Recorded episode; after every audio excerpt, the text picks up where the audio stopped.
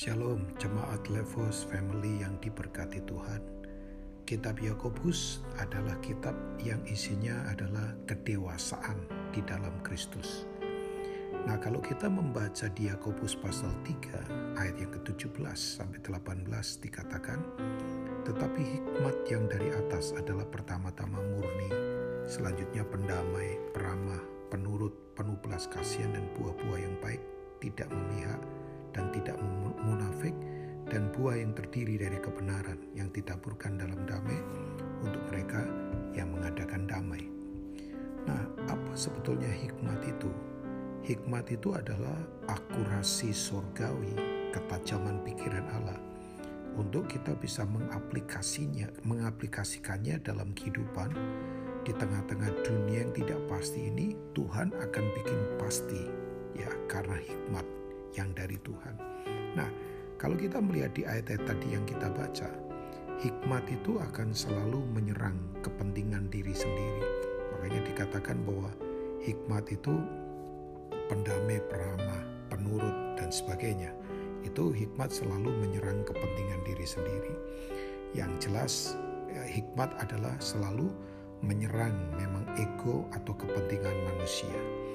Dan hikmat itu, Bapak Ibu semua, itu akan selalu membawa kita kepada pemerintahan Allah, yaitu apa? Kebenaran dan damai sejahtera. Ya, tadi eh, jelas bahwa hikmat selalu menyerang kepentingan diri sendiri untuk kita kemudian dibawa kepada pemerintahan Allah. Nah, saya percaya ini waktunya bahwa umat Tuhan harus hidup dalam hikmat Tuhan yang kuat. Ya, ketika masa-masa yang tidak gampang seperti ini, saya percaya ke depan ini akan banyak orang yang bisa saja gelisah, bisa saja stres, bisa saja depresi karena harus mengambil banyak keputusan menghadapi situasi yang tidak menentu dalam kehidupan. Tapi percayalah, Tuhan dengan hikmatnya akan membuat semua hal jadi pasti dalam kehidupan. Nah, saya akan mengajak Bapak Ibu semua dalam menghadapi semua dilema, tantangan-tantangan yang tidak gampang. Kalau kita melihat di Yakobus pasal pertama, jelas di ayat yang ke-6 dikatakan bahwa kita ini uh, meminta hikmat kepada Tuhan itu jangan dengan kebimbangan ya tapi dengan sungguh-sungguh yakin ya ya dikatakan hendaklah ia memintanya dalam iman dan jangan sama sekali jangan dalam kebimbangan sebab orang yang bimbang itu sama dengan gelombang laut yang diombang-ambingkan kian kemari oleh angin. Jadi saya menyadari yang pertama bahwa yang bukan hikmat itu adalah kebimbangan. Sebab semua kebimbangan itu membuat orang tidak akan punya keputusan. Akibatnya apa? dia akan dibawa kepada kebingungan dan ketidakpercayaan dalam kehidupan. Nah, orang yang bimbang itu sama dengan orang yang mendua hati, yang tidak akan tenang dalam hidupnya. Ya, makanya betul untuk kita punya ketenangan, jangan sampai kita mendua hati. Ya, saya percaya di hari-hari terakhir ini banyak pengajaran yang membuat orang diombang-ambingkan, yang membuat orang jadi bingung.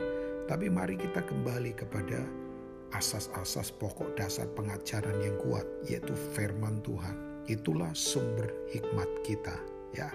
Nah, yang berikutnya lagi yang bukan hikmat yang kita jangan kejar adalah semua hal yang kita lihat dan kita lakukan yang membuat kita sombong dan duniawi. Itu jangan dikejar. Karena itu sebetulnya akan membawa kita masuk kepada framingnya dunia, ya. Sebab definisi dunia, kesuksesan dunia adalah apa?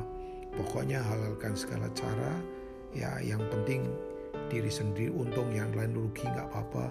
Akibatnya cari jalan kompromi, ya ego menjadi yang utama. Itu bukan hikmat Tuhan. Jadi Bapak Ibu semua, saya percaya hari-hari ini Tuhan lagi membawa gerejanya untuk hidup dalam hikmat yang kuat. Nah, Hikmat kuncinya adalah ini dia, takut akan Tuhan. Takut akan Tuhan adalah gaya hidup.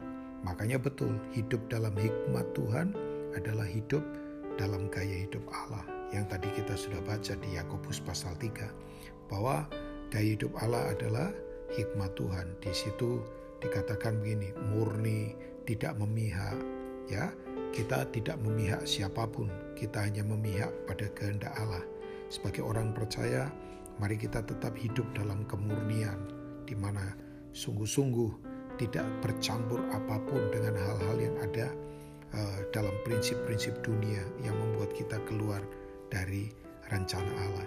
Saya percaya jemaat Life House Community akan terus hidup dalam hikmat Tuhan yang membuat kita bisa mengambil keputusan sesuai firman Tuhan, tidak gampang dibingungkan dengan semua keadaan yang terjadi, karena kita punya arahan yang kuat, yaitu firman Tuhan sendiri.